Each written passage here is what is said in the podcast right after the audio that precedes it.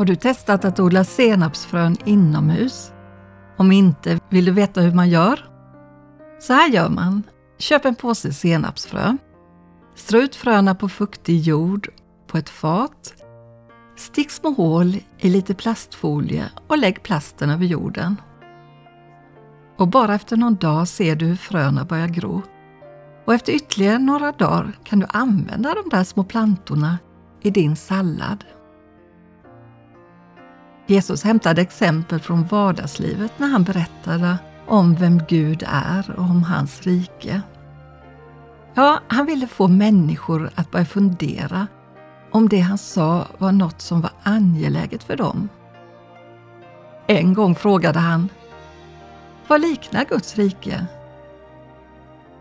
Vad ska jag jämföra det med? Och sen berättade han om Guds rike, att det liknar ett senapskorn som man tar och sår i sin trädgård. Det växer upp och blir ett träd och himlens fåglar bygger bo bland grenarna. Många förkastade Jesus och det han sa och de var bara ute efter att sätta dit honom. Men då valde han att förklara för dem som ärligt sökte efter sanningen om honom. En annan gång sa Jesus till sina lärjungar att om de bara hade tro, så litet som ett senapskorn, skulle de kunna säga till mullbärsträdet att det skulle rycka upp sig med rötterna och plantera sig i havet.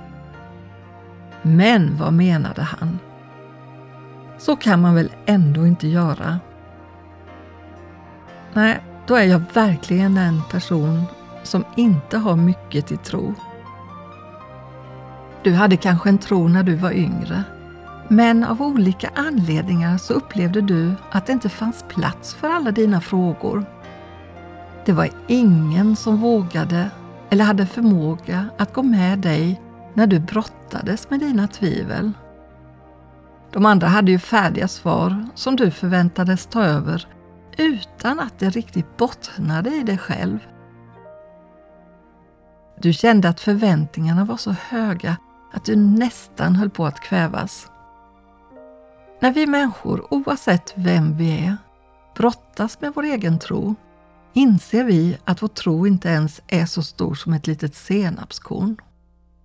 Någon har sagt att tvivel inte är trons motsats utan en annan sida av tron.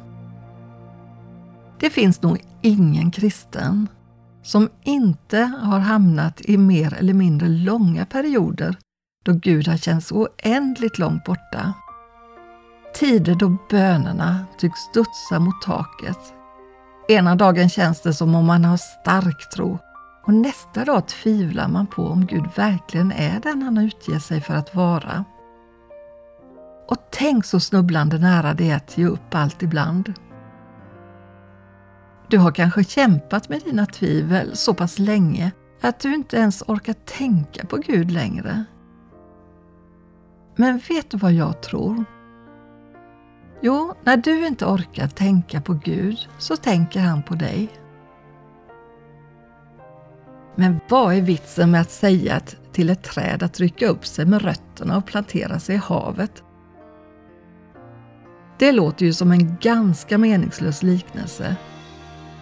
Eller vad menade Jesus när han sa så?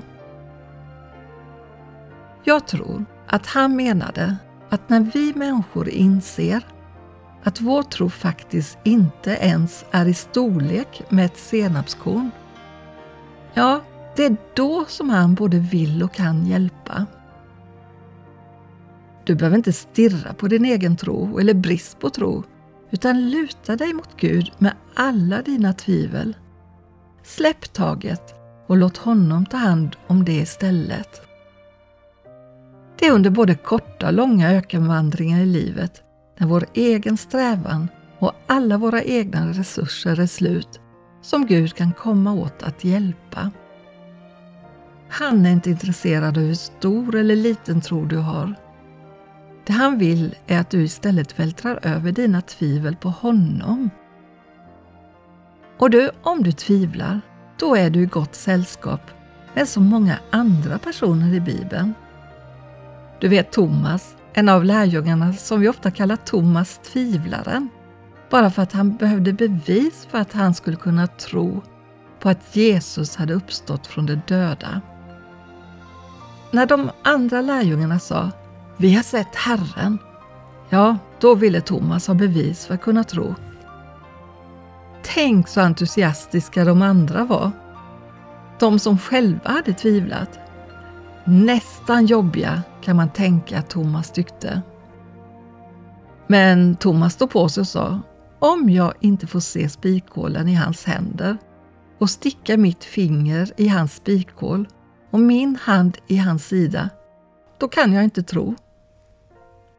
Det var precis det som Thomas fick göra när Jesus kom till lärjungarna efter att han hade uppstått från de döda.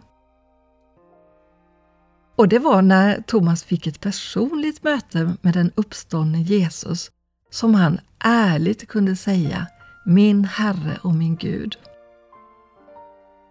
Det är Gud som planterar senapskornet i vårt hjärtas trädgård och det är han som sköter om plantan. Och det vi inte kan göra, det kan han. Who loves me as I am. He is my Lord, my shepherd, I his lamb. I have a friend who wants the best for me. He knows my soul and sees all I can be. He came to show us how to live. He came with so much love to give. My friend who listens to my prayer my Savior,